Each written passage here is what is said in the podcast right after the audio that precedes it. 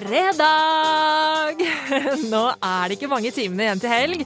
Og selv om det er meldt godvær i store deler av landet, så er det lov altså, å bruke tid i en mørk kinosal eller hjemme i stua foran TV-en også. Eh, og det er nettopp det det skal handle om i de neste to timene her på P3. Jeg heter Marte Hedenstad, og i dag skal du få høre hvordan det gikk da jeg møtte selveste George R.R. Martin, forfatteren bak Game of Thrones. Selvsagt får du også anmeldelser av ukas kinopremierer. Det blir litt sånn Arnold Schwarzenegger-bonanza, fordi at både Terminator, Genesis og zombiedramaet Maggie med Arnold i hovedrollen har kinnepremiere i dag. Og hva vi syns om Batman Arkham Knight skal du også få vite. Og så tar vi en titt på hva som dukker opp av nye TV-serier denne uka. Filmpolitiet P3. Filmpolitiet anmelder film. The machine sent a Terminator back to the time before the war kill my mother, Sarah Connor. Sir, let me save her. Ingen har akkurat skreket etter en ny film i Terminator-serien, men nå er Terminator Genesis her, og sjøl om resultatet er en blanda opplevelse, gjør regissør Alan Taylor, kjent for Thor The Dark World, mer godt enn dårlig. Manuset har noen fikse ideer til hvordan dette universet kan endres og utvides, og legger opp til flere friske vendinger. Ikke alt leder noe sted, og klimakset er skuffende konvensjonelt, men det er nok av oppfinnsom action underveis. Terminator Genesis underhell, godt, uten å overbevise helt. John. Hi, Mom. Tidligere Terminator-filmer har fortalt oss om den fremtidige krigen mellom mennesker og maskiner. Motstandsleder John Connor, spilt av Jason Clark, må sende soldaten Kyle Reece, spilt av Jay Courtney, tilbake til 1984 for å redde sin egen mor, Sarah Connor, spilt av Emilia Clark, fra en Terminator, spilt av Arnold Schwarzenegger. Så langt speiles den originale filmen fra 1984, men så skjer det ting som snur opp ned på hele Terminator-sagaen. Det blir en heftig kamp mot Skynet, det sjølbevisste datasystemet som fører kampen mot menneskeheten. Kyle Reese, You know who I am? we've been prepping for you to arrive for over a decade. Historien vekker mange spørsmål, og noen av de mest åpenbare blir irriterende nok ikke besvart. Det fins òg flere sekvenser der logiske handlinger ikke blir utført. Det fins mange detaljer som skurrer, og understreker at tidsreiser er vanskelige saker. Men det filmen ikke har av finesse på manusfronten, tar den igjen i velkomponerte og fartsfylte actionsekvenser, der virkemidlene er kraftfulle og storslagne. Arnold Schwarzeneggers rolle i denne filmen vil komme som en overraskelse på mange. Han spiller en aldrende Terminator, men forklaringa er enkel, og Schwarzenegger spiller med den samme miksen av maskinelt kroppsspråk og hint av humor som vi spesielt husker fra Terminator 2 Judgment Day fra 1991. Terminator Genesis føyer seg inn i rekka av heseblesende effektfilmer med én stor actionsekvens hvert tiende minutt. Mange av dem er imponerende utført, men i det store og hele savner jeg mer spenning, både på det ytre og indre plan. Terminator Genesis kan ikke måle seg med de to første Terminator-filmene, begge signert James Cameron, men regissør Alan Taylors film er akkurat god nok til å sparke nytt liv i den gamle serien. I've been waiting for you. Terningkast fire. Og Birgers anmeldelse kan du se hvis du klikker deg inn på p3.no skråstrek filmpolitiet. Filmpolitiet anmelder film. Arnold Schwarzenegger prøver seg på en ny type rolle for ham i ukas andre kinopremiere, Maggie. Det her er nemlig et zombiedrama Birger Vestmo har vært og sett. Dad, you've protected me all my life. Now it's my turn to protect you. Båndet mellom en far og hans datter er fokuset i den dystre filmen Maggie. Arnold Schwarzenegger viser at han har kvaliteter som skuespiller som han ikke får brukt i de filmene han vanligvis er med i. I samspillet med Abigail Breslin forstår vi farens motvilje mot å ta et smertefullt valg. Maggie er en liten og intim film der man bare ser omrisset av støromstendigheter. Den har dessverre et altfor treigt tempo, men er i det minste et ærlig forsøk på å gjøre noe nytt i en litt sliten sjanger. Historien står med én fot i zombiesjangeren, men har en original vri. Et virus forvandler mennesker til rasende kannibaler. Smitten videreføres gjennom bitt. Maggie, spilt av Abigail Breslin, er allerede smitta, men pappa Wade, spilt av Arnold Schwarzenegger, nøler med å sette hun i karantene. Og mens både stemor og lokalt politi blir mer og mer interessert i å få Maggie sendt bort, blir hun sjøl stadig sykere.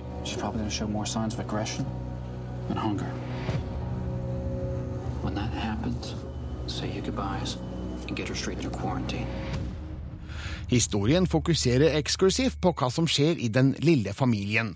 Vi hører nyhetsklipp og får annen spredt informasjon som forklarer litt om hva som skjer utafor deres sfære. Men bare nok til å se de grunnleggende problemstillingene de står overfor. Filmen forteller bare det nødvendige vi trenger for å forstå figurene. Fedre kan relatere seg til Wades kvaler, og tenåringsjenta kan identifisere seg med Maggies frykt. I made a promise to your mother I will protect you. Arnold Schwarzenegger har alltid spilt mest på fysikk og karisma. Her må han ty til andre kvaliteter og gjøre en godkjent innsats som plaga far.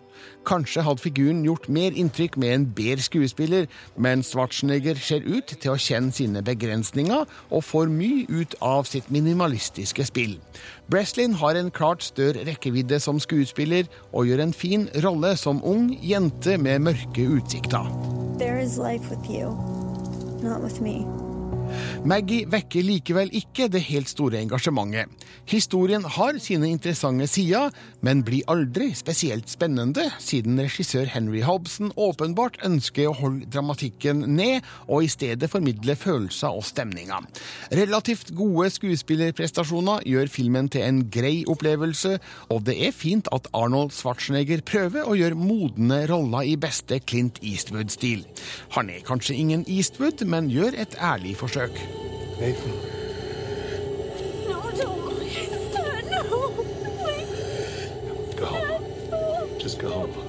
Terningkast tre. Les mer om film, spill og serier på p3.no Filmpolitiet. Filmpolitiet.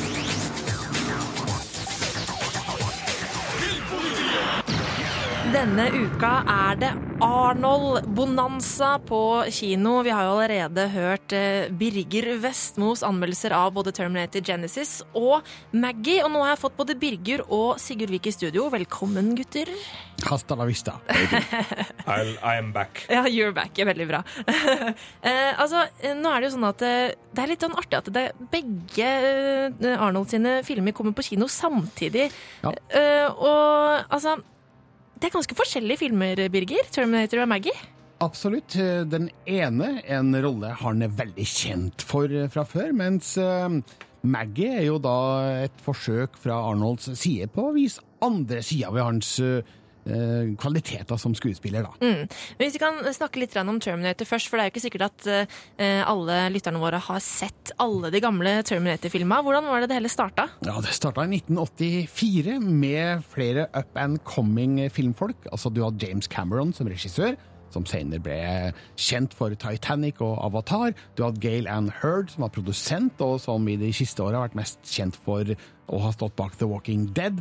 Og så har du da Arnold Schwarzenegger, som hadde fortid som muskelmann og bodybuilder og Mr. Universe, som eh, hadde vært med i Konan eh, før Terminator, men var ikke et eh, veldig kjent navn. og Han var ingen stjerne da The Terminator kom på kino, og han ble det ikke sånn umiddelbart etter filmen heller, fordi Sjøl om vi nå anser den som en klassiker, så, så var det bare en eh, middels suksessfull film i USA i 1984. Det er først i ettertid at eh, The Terminator fikk et eh, liv på, spesielt da på VHS. Ikke sant? Eh, og det var der den opparbeidet seg en eh, stor fanskare, som da resulterte i Terminator 2. og fullstendig stjernestatus noen år etterpå. Mm. Og det er jo liksom, altså For nå i dag så er det jo Terminator som er Arnolds mest ikoniske rolle. Eh, Og de fleste som eh, liker Arnold, altså de har jo et forhold til Terminator. Ja, og det som er så fint, er jo at han i Terminator 1 starter som skurken, og så i Terminator 2 så blir han helten. Ja. Og ikke bare blir han helten, han får med seg Guns N' fucking Roses på heltesida og et eh, soundtrack som er helt nydelig. Altså, fy søren for ei pakke. Ja. Men altså, nå prøver han seg da på en litt sånn annen vri. Eh, hva er det som skjer med karrieren til, eh, til Arnold nå, Birger? Altså, Han er jo i ferd med å bli gammel, eh, som han selvfølgelig må få lov til. Det er jo en naturlig utvikling, får han si. Eh, så han kan ikke lenger eh, lene seg på den enorme fysikken som han har eh, vist gjennom mange filmer, spesielt på 1980-tallet. Det er ikke lenger naturlig for noe flere av seg skjorta, for å si det sånn. Nei, ikke sant? Eh, men eh, etter at han gjorde comeback etter eh, sin tid som The Governator, så, så har han jo vært med i eh, stort sett eh, bare actionfilmer som eh, Expendables-filmene, The Last Stand, Escape Plan og, og Sabotage. Så, så at han nå prøver å gjøre noe nytt da, i Maggie, det syns jeg er mm, helt ålreit. At uh, vi kanskje kan se en, en liten begynnelse til Arnolds eh, neste fase av karrieren, kan du si da. Savner vi komiker-Arnold? Han som uh, figurerte i klassikere som Jingle Bells Nei. og uh, Twins. Jeg kan ikke si at jeg gjør det, men nå er jo da Triplets annonsert. Oppfølgeren av Twins. Sånn at vi har ikke sett det siste av Arnold som komiker, men altså, når man ser Terminator Genesis Nå, nå har ikke dere to gjort Nei. det, det har jeg gjort. Så viser han også der litt av den samme eh, komikken som vi husker fra Terminator 2, Judgment Day. Eh, uten at jeg skal utdype det her nå. Men eh, han har eh, visse kvaliteter som eh, ikke helt UFN også som eh, komiker. Men det er når han tør gjøre litt narr av seg sjæl. Mm. Og kanskje også sette fokus på sine mangler som skuespiller, kan du si. Ikke sant? Og vi digger jo, det er jo noe av det vi digger med Arnold, at han har eh, selvironi. Eh, anmeldelsene til Birger av både Terminator Genesis og Maggie finner du på p3.no skråstrek filmpolitiet. Takk for at dere kom i studio. Jeg sier igjen hasta la vista, baby. We'll be back. Filmpolitiet med Marte Hedenstad på P3. Og nå skal vi inn i Gothams mørke verden. Filmpolitiet anmelder spill. Gotham, this is your only warning. Abandon this city, or I will unleash. Her hørte vi lyd fra Batman Arkham Knight, eh, og nå har jeg fått Daniel Guanjo i studio. Eh, Daniel, du har anmeldt eh, spillet. Eh, Velkommen her hit til Filmpolitiet. Takk for det. Ja. Og det her er jo det tredje Rocksteady studiospillet. Rock ja. Eh, hvordan er det, hvem er det som er skurken denne gangen, da? Det er jo det er alltid mange skurker med i, i disse Batman-spillene, og det er det denne gangen også. Eh, men hovedskurken er jo da Arkham Knight. Ikke sant? Uh, fra tittelen. Uh, som er en sånn helt ny, da, helt fersk i Batman-universet. Og en, en, en sånn slags motpol da, til Batman. Ja. En, en, en ridder. Ikke sant? Så Men eh, han, han, funker jo ikke, han funker jo ikke like bra som de andre skurkene, i og med at dette her er jo ikke en som kommer fra universet. Nei, så det er ikke en skurk man har et forhold til fra før, liksom? Nei, og han er jo veldig sånn endimensjonal i, i tillegg, da. Uh, han, han gjør egentlig Han er ikke så veldig interessant. Nei. Um, Ja, Da blir kanskje historien ikke like spennende heller, eller? Nei, så hadde ikke i hvert fall uh, disse andre skurkene, altså Scarecrow og Riddler og disse, disse folka, Jokeren er jo med han også, uh, så hadde det blitt litt dølt. Um, så han trekker jo ned. Han trekker ned. Ja. Men utenom det, altså de to første spillene, Arkham Asylum og Arkham City, de fikk jo terningkast fem og seks, og det var liksom eh, veldig bra, da, også her i Filmpolitiet. Hvordan eh, liksom måler Arkham Knight seg eh, med de forhenværende, tror du? Altså, jeg spilte jo aldri Arkham City. Eh, jeg spilte det første. Og, så da, dette her med åpen verden er jo helt nytt for meg da, i, i Batman i denne serien her. Eh, så jeg syns jo det er veldig kult. Det er det jeg eh, liker best uh, ved spillet. Mm. Uh, og det å kunne utforske denne åpne, deilige, regntunge, Ja, og så bare sånn byen. fly over, eh, husene og sånn. Ja, ikke sant. Gli gjennom natta. Ehm, men altså, det, det viderefører jo de samme mekanikkene som fra, helt fra det første spillet. Mm. Så man kjenner seg jo veldig godt igjen med en gang. Mm. Det gjør man. Men hva er det som ikke funker så godt, da? Det, det som ikke funker så bra, er jo også det som kanskje ikke har funka så bra tidligere. Da. Eh, sånn, eh, for min del så, så syns jeg det ble veldig knotete tider med alle disse knappekombinasjonene. Mm. For mange av dem er jo, som det heter, eh, kontekstavhengige. da. I det at du, du ikke De funker til enhver tid. De er situasjonsbetinga. Og det er veldig mye forskjellig å, å trykke på. Ja, mye du skal holde styr på. Nå kan jeg trykke på det, men ja. nå kan jeg ikke trykke på det. Altså, Ja. det, det der fungerer bare da. Ja, ikke sant? Så man ender opp med å liksom eh, prøve å gjøre noe kult og få det til å se kult ut, og så, og så går det dårlig. Ikke sant? Ja, for det er jo litt Eh, av greia med de spillene her, at eh, du kan få sånne finishing moves som ser ganske fete ut. Mm, mm.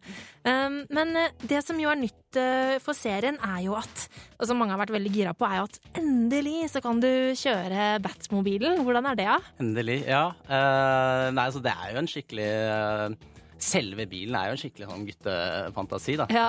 Eh, men eh, jeg, jeg syns egentlig ikke det funker så bra som det burde ha gjort. da. For den har jo denne, den har en sånn tank-funksjon. Mm. Altså bilen, kan- Holder man inne en knapp, så blir da bilen en, en tanks. Eh, og denne funksjonen bruker de veldig mye i, i løpet av spillet. Uh, og da ender man stort sett opp med å gjøre det samme, da. Uh, prøve å unnamanøvrere disse andre tanksene.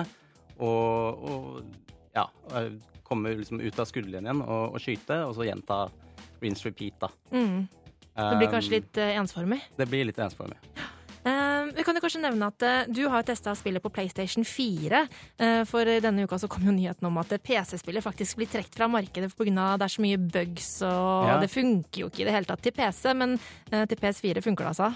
Ja, det funker jo helt smertefritt i PS4. Ja. Eh, Jeg har jo fått med meg all denne furoren rundt PC-versjonen. Eh, Men eh, ingen tegn til det samme Nei. på konsoll. Ikke sant. Så eh, kjempefin, åpen verden. Litt kjedelig skurk. Er det Batman Arkham Knight oppsummert? Ja, det og, og litt dårlig bilkjøring. Litt dårlig bilkjøring. Ja. Og terningkastet, det blir Terningkast fire Filmpolitiet på P3. Og nå har jeg fått besøk her i studio av Sigurd Vik!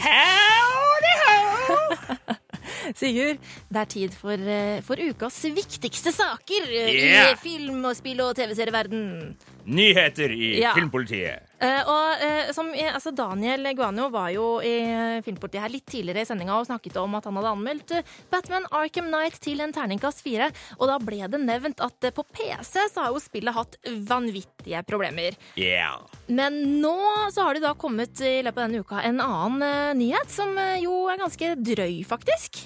De har trukket spillet fra markedet Ja. når det gjelder PC-utgivelsen.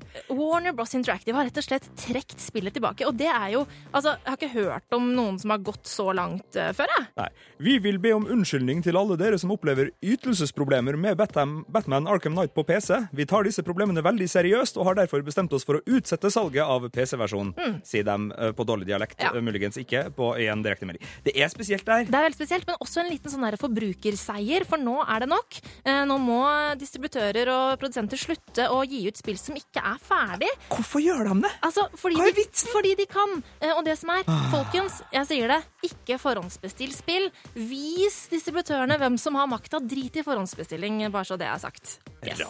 Men bra at det er trukket. Veldig bra. Eh, en annen ting som er eh, bra hvis du er Harry Potter-fan, er det er at eh, Du er det, ja? Ja. Jeg òg. Forfatter JK Rowling You see her rolling. Uh, hun har kommet med en liten gladnyhet denne uka, og BBC melder nå at neste sommer så kommer det et nytt Harry Potter-teaterstykke til scenen i London.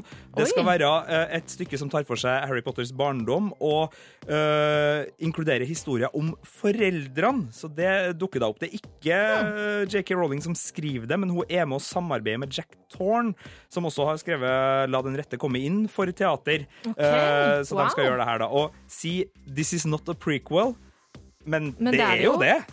Hmm, kanskje vi må ta oss en tur til London, Sigurd, og få med oss Harry Harry på en, Potter på, eh, på teater? teaterdate og, og se den, eh, Marte. Men det vi ikke trenger å stikke til London for å se, for det kommer sannsynligvis på en kino nær oss, er jo eh, spill slash uh, The Rock-nyheten at Rampage, det gamle oh, ja! Arcade-spillet fra 1986, skal Altså- bli film med Dwayne Johnson. Ok, og bare sånn, For de som ikke vet det, så er Rampage altså det der uh, arkadespillet hvor det er en sånn svær gorilla som driver og klatrer rundt og knuser og ødelegger. Og, ja. Gorillaen George, Ja. uh, firfisla Lizzie, holdt jeg på å si, og, og varulven Ralph, som er, har blitt ikke mutert, men liksom gjort om i en laboratorium til at de har blitt de her dyrene, Ja. var mennesker.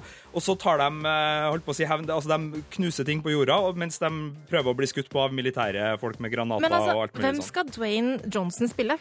Gorilla? Tro- eh, ja, fordi eh, George var en ung mann, så det må være Dwayne Johnson. For, for ellers Lizzie var en ung dame, og Ralph var en eh, eldre mann, så det må være George. Det her er jo, sies det på nettet, og det er jo riktig, det er jo Jurassic World meets San Andreas, det her. Og det liker vi. Takk for at du kom i studio, Sigurd. Filmpolitiet. Does that sound good to you? På P3. Denne uka så tok jeg turen til Stockholm for å prate med forfatter George R.R. Martin. Du vet han, eh, du har kanskje hørt om han, han har skrevet en sånn fantasy-serie som heter A Song of Ice and Fire, som eh, en sånn ganske kjent eh, TV-serie er basert på. Du har kanskje hørt om det? Game of Thrones. jeg syns det var selvfølgelig stor stas å få møte George R.R. Martin. Og altså, Game of Thrones det har jo blitt et verdensomspennende fenomen. Eh, Og nå som femte sesong av dette fantasy-dramaet er ferdig, så har jo TV-serien begynt å ta igjen bøkene i A Song of Ice and Fire-serien. Eh, Og på noen punkter så har jo også historien i Game of Thrones begynt å skille seg fra bøkene. Men det her, det lar ikke forfatter George R.R. Martin seg påvirke av. Am I going to change the books? No, I'm, I'm, I think that would be a mistake. I'm going to write the books that I've always uh, intended to, uh, to, to write, you know. Uh, there have been a few minor things along the way. You know, I, I talked to several years ago in interviews about how much I liked the actress Natalia Tena, who plays Osha, and how I thought when Osha came back as a story, I would have Natalia in mind. Um, and make that character a little more interesting because I think the character in the book was was uh, not nearly as interesting as what she played on the screen. But that's a rare occasion. I, I mean, for the most part, the major characters they've been fixed in my head for, for decades now, and the show is relatively recent. That's not going to impact them. And of course, we're getting a longer, longer list of, of people who are dead in the show but alive in the books. Well, they're, they are alive in the books, so they're going to do things and say things, and some of them may die, some of them may survive to the end of the series, uh, my series, despite being dead in the in the books, so or being dead on the TV show. So you just have to look at it as two separate uh, streams. But the big lines, are they the same in the books and the TV series? Will the ending be the same? That depends on what you consider the ending. I mean, I got like 12 different viewpoint characters here at this point, plus many, many secondary and tertiary characters. Will all of their fates be the same? Well, obviously not. Uh, some of them are, have already been killed, uh, who are still kicking around in my books. Um, David and Dan and I have had discussions, many discussions over the years. They know the broad strokes of the story. So I suspect that, uh, you know, the same character will be sitting on the Iron Throne at the end. Og hvem det blir, er det jo millioner av fans som venter spent på å finne ut av. Men eh, George R.R. Martin syns det er vanskelig å si når han kommer til å bli ferdig med de to siste bøkene i serien. ask me when I'm closer to it. Yeah, It okay. still feels a long way away. How far does it feel away? Oh, you know, the, the last couple books have taken me like five years each. So, you know, we could be talking six, seven years to finish the whole thing. I mean, I hope to go faster. Uh, on, on some of my old books, and I'm talking pre Ice and Fire, there arrived a point on each of those books where I could taste the end. And when that happened, the writing seemed to accelerate. It was like I was on the downhill stretch now, and I picked up speed. And previously, I'd been doing like three pages a day, and suddenly I found myself doing five pages a day and seven pages a day. And I had a day where I did 12 pages, and that's very exciting when it happens. And you know, I'm still waiting for it to happen on this series, but maybe it will on the last book. We'll we'll see when I finally feel that I'm approaching the uh, the end of it. Ja, det sa George R. Martin da jeg eh, møtte han i Stockholm denne uka. Og det ser jo ut da som at det fortsatt er en god stund til vi finner ut eh, hvem som sitter på jerntronen til slutt. Filmpolitiet.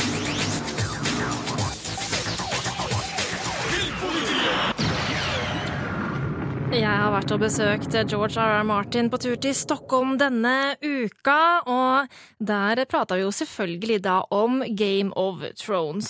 Og i Game of Thrones så er det ganske mange rollefigurer som dør ganske så ofte. Eh, Og det jeg vet veldig mange lurer på, det er jo får George R. R. Martin dårlig samvittighet for rollefigurene han dreper? I had written many of these books before the TV show came along. Uh, and some of them had been published, others were, were in the pipeline, but I had things already written. Um, and so I, I killed a certain number of characters. I did horrible things to characters, et, et cetera, et cetera. And it's, it's easy to do. They're just names on a page.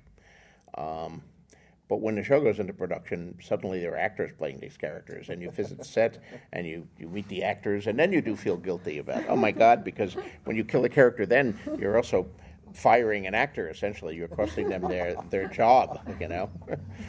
I, I was just in Hamburg, and of course, I was visiting. Uh, I got a tour of the city from my friend Sybil Kikeli, who played Shay, and uh, she was the she was the uh, Sybil is very very talented and very very sweet. And when I met her uh, when she was first cast as Shay, you know, she knew that she was going to die, but she kept saying, "Don't kill me. I like playing Shay. Don't please don't kill me." I, can't. I killed you years ago. the show was just catching up to it. But you know, if it had been a contemporary thing, who knows? Maybe I would have uh, refrained from killing her because she did a wonderful, wonderful job with that character, and uh, you know, really enjoyed playing that character. And I felt guilty about killing her, but Ok, så litt dårlig samvittighet får han faktisk, eh, George R.R. Martin. Eh, Men eh, noen rollefigurer må kanskje dø for at bøkene skal bli bra. Men eh, er serien det beste forfatteren har gjort i sin karriere? Det vet han ikke svaret på. You know, a game of ice and fire is is uh, a song of ice and fire is going to be my magnum opus. It's going to be the thing I'm known for. Um, it's certainly the most ambitious thing that I've ever attempted. Maybe too ambitious. It may yet crush me. Um, it's not done yet, so that's very much on my mind. I, I can't say it's the best thing I've ever done until I finish it. I have to, I have to uh, nail the finish um, because there are a lot of epics that fumble the finish, where you, you follow it for years or you read and then you're disappointed by the last book or the last season of the show or whatever. And I felt that way myself about certain things I followed. I don't want to do that. I want to make it great, but I, I haven't done it yet, so I can't claim that I have.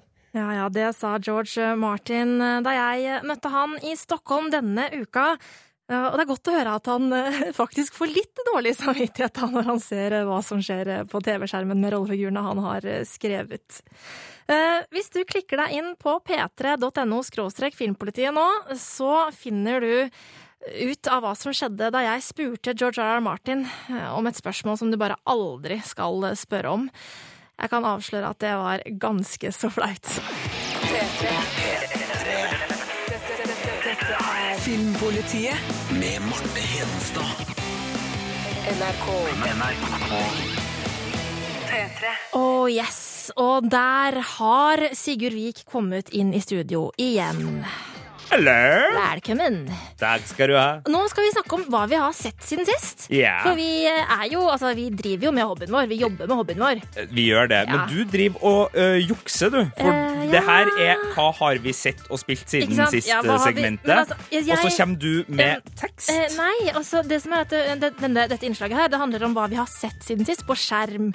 Og jeg, jeg leser e-bøker på iPaden min, altså en skjerm. Du er på uh, tynn is, uh, Marte Og så Hedenstad, men handler den boka jeg skal fortelle om nå, handler om spill Ja. og film og popkultur. Og derfor er det greit. Fordi at det her Jeg har nemlig lest ut Ready Player One, folkens. Å, herregud, for en bok! Ernest Klein sin Jeg tror det er, er det debut, eller nei, kanskje ikke. Uansett. En av de første bøkene til Ernest Klein. Han skriver om et eh, altså, futuristisk univers der folk Eller eh, altså jorda, da. eh, Der folk rett og slett Alt er så dritt i verden, så de driter i verden, og så tar de på seg sånne virtuelle briller, og så lever de livene sine inni en virtuell verden som heter Oasis. Eh, og det er dritspennende. Boka er stappfull av referanser til 80-talls spill, film, musikk. Den boka her er en fest. Et, eh, Dere må lese boka. spørsmål. Ready Player One. Liker du sånn eh, 80-tallsreferanser til spill og film og serier? Altså? Nei, altså, jobber jeg i filmpolitiet, eller jobber jeg i filmpolitiet? Så anbefales virkelig på det sterkeste. Få med dere Ready Player One. Og boka skal bli film. Med Steven Spielberg at Yes. the helm. Ja, så det her, det blir så bra det, folkens. Det blir så bra. Det som også er veldig bra, vet du, det er Hannibal, som har begynt å gå på TV igjen. Ja. Sesong tre. Kom en skikkelig sånn stinker av en nyhet uh, om at eh, NBC kansellerer etter sesong tre, men det er fremdeles 50-50 for at serien kan bli plukka opp andre plasser. Men uh, fram til da, i hvert fall. Uh, sesong tre begynte på, på Vox nå på, på søndag. Mhm. Uh, Mats Mikkelsen i storslag. Veldig estetisk, veldig pent. Selvfølgelig Ja. ikke for alle det her. Det er ganske blodig makabert Ja, og, makabert er og ordet. litt sånn Altså, vemmelig. Men Altså, der, der er pene bilder av makabre ting. ja, og du blir litt sånn Jeg blir litt sånn matlei innimellom da, når jeg ser liksom eh, menneskelår surra i bacon for, eh, ja. i, ja, Mm. og, og persillevask. Det er litt sånn knausgård. Sånn, så vasker vi persillen, og så vasker vi persillen. og så- men, men bortsett fra det, så, så syns jeg det funker, kjempefint. Det var, er den ene ukas eh, serie. Den andre som har gått, den er mer en advarsel fra min side. Det oh, er en advarsel. Det du ikke skal se, liksom. ja, Secrets and Lies er den nye serien med Rian Filipe og Juliette Louis, okay. som begynte på TV Norge nå på, på tirsdag. Ja, den så jeg du ikke var så begeistra for. Ikke så begeistra på den. Det handler om et barnedrap i et forstadsnabolag, og en av eh, de naboene blir da mistenkt for drapet, og så følger vi det fra hans perspektiv. Ikke veldig mange steinkast unna Broadchurch, ikke veldig mange steinkast unna det som skjer i eh, hundrevis av andre sånne serier. Så da kan du er heller et- se det isteden. Se heller det i stedet. Og Broadchurch ligger i Netflix. det ligger i Netflix, så Hvis du vil se om Ryan Filipe er skyldig eller ikke, som egentlig er det den serien her handler om, så kan du se The Lincoln Lawyer med bl.a. Matthew McConaughey. Eh, der er det temaet. Siste serien som har premiere denne uka, som er verdt å nevne, er Last Man on Earth, som er en sånn her postapokalyptisk komiserie som klokker inn på ca. 20 minutter, med Will Forte og Kristen Schaal som de to eneste overlevende menneskene på jorda i 2021. Hmm. OK. Sett 20 minutter av det. Ok. OK. okay. ok. OK. Skal se om vi får sett litt mer av den. Ja, ok, ok. Hva var det den het igjen, sa du? Den het Last Man on Earth. den, Last Marte. Man Ja, on ja, Earth. Så jeg regner med det kanskje kommer en anmeldelse fra deg neste uke på den, da. Det er ikke umulig. Vi får se. Ikke umulig, ikke umulig. Det er så mye serier, vet du. Ikke sant? Oi, oi. Tusen takk for at du kom i studio, Mr. Sigurd Vik. P3. P3. Filmpolitiet anmelder TV-serie. This is my mom. My dad's American dream was her nightmare. Where are all the customers? There is hardly anyone here, and that table is only drinking water. Hey, why you not drink beer? Me, my American dream was to fit in. Why do all your shirts have black men on them? Notorious B.I.G. You into B.I.G.? Yeah, man. Come sit with us. Oh, what is this? It's Chinese food. Get it out of here. Ying Ming's eating worms. I need white people lunch. Sigurd Vika er tilbake i studio for å anmelde Fresh Off The Boat, som vi hørte lyd fra her. Sigurd, eh, hvis jeg har forstått eh, riktig, taiwansk-amerikansk familie. Ja. Sitcom, eller? Ja. Ja. eller eh, ko- komiserie. Komiserie. Klokke på sånn ca. 20 minutter per episode, den her òg. Ja. Og som du hørte på det lydklippet her, ganske hektisk, ganske mye energi, ganske sånn tettpakka både med vitser og, og forskjellige ting. Men Ja. en, en spennende liten sak. Den, liksom, den tar for seg østasiatisk immigrantmiljø og andregenerasjons uh, immigrantmiljø. Da. Så det er jo en, en, en på en måte, Det er jo ikke upløyd mark, men det, det, jeg har ikke sett en komiserie dedikert til det før. Så det, det er spennende, og det, det funker bra. Det er ganske Altså, på sitt beste så er det her skarp, velretta stereotypihumor som, som treffer spesielt det hvite forstadslivet i Orlando, for det er en familie som uh, bor i Washington, i Chinatown der, Okay. Uh, men så er liksom familiefaren litt sånn lei av å eh, jobbe for svigerbrorens møbelfabrikk, så han flytter hele familien, starter en restaurant i Orlando, Florida, og det er der vi liksom møter familien som skal prøve å tilpasse seg det nye, forholdsvis blenda-hvite forstadslivet, da, med ja. sånne venninnegjenger på rollerblade som farter rundt. Så det er litt sånn kulturkrasj her, da, eller? Herre er kulturkrasj, Ja. Marte Hedenstad. Det er helt riktig. Og så er det 1995, så det er tettpakka av Å, shimmy, shimmy, ja, shimmy, ja, shimmy. Altså okay. Old Dirty altså- Snoop Dogg, Nas. Ja, det er masse kule Air Jordans, så det er mye retrohumor. altså. Ja, det, det funker. Men, det men, men, men, men, men, så er det også litt sånn, her, sånn flat lag av litt sånn Modern Family, Friends-type. Sånn okay. minste felles multiplum-humor, hvor Ja. alle skal få lov til å fly litt. Så når det er sånn Ace of Base-humor i bilen, da kjenner jeg at jeg har lyst til å Uh, Nei! oh, jeg tror at dette Ja. her er en serie for meg, for når du Ja. sier Ace of Base-humor, så tenker jeg bare Ja, å herregud, Ace of Base. Base! er litt for deg, litt for meg, litt for alle, men det er litt skummelt. Så, men på sitt beste, helt nydelig. Og en av de kuleste skuespillerprestasjonene jeg har sett. Altså Min favorittfigur er mora i familien her. Hun er dritkul. Så, så følg med. Det begynner nå på Hvor er det det her begynner hen, da? Det begynner på Viasat 4 på søndag, okay. sammen med Last Man on Earth, som også begynner der. Så, så sjekk det ut. Øh, Det er veldig lovende. Veldig lovende. Jeg merker at jeg kommer til å titte benka foran TV-skjermen da. Jeg gleder meg til Fresh Off the Boat, og Sigurd sin dom over denne serien blir Terningkast fire. Og det er jo ikke så aller verst. Filmpolitiet. Med Marte Hedenstad. NRK. Og med det så er Filmpolitiet ferdig for i dag. Jeg heter Marte Hedenstad og sier tusen takk for følget. Nå er det jo helg, i hvert fall nesten, eh, og det er sikkert kanskje noen som går ut i ferie også, så jeg sier bare nyt det. Det er jo meldt eh, ganske godt vær i store deler av landet. Men eh, som sagt så er det også lov, selv om det er sol ute, eh, å ta seg en liten tur på kino eller kose seg med et spill eller en TV-serie foran TV-en også, altså. Selv om det er fint vær, og selv om vi bor i Norge hvor vi er gale etter sol. Tusen takk for at du hørte på, og god helg!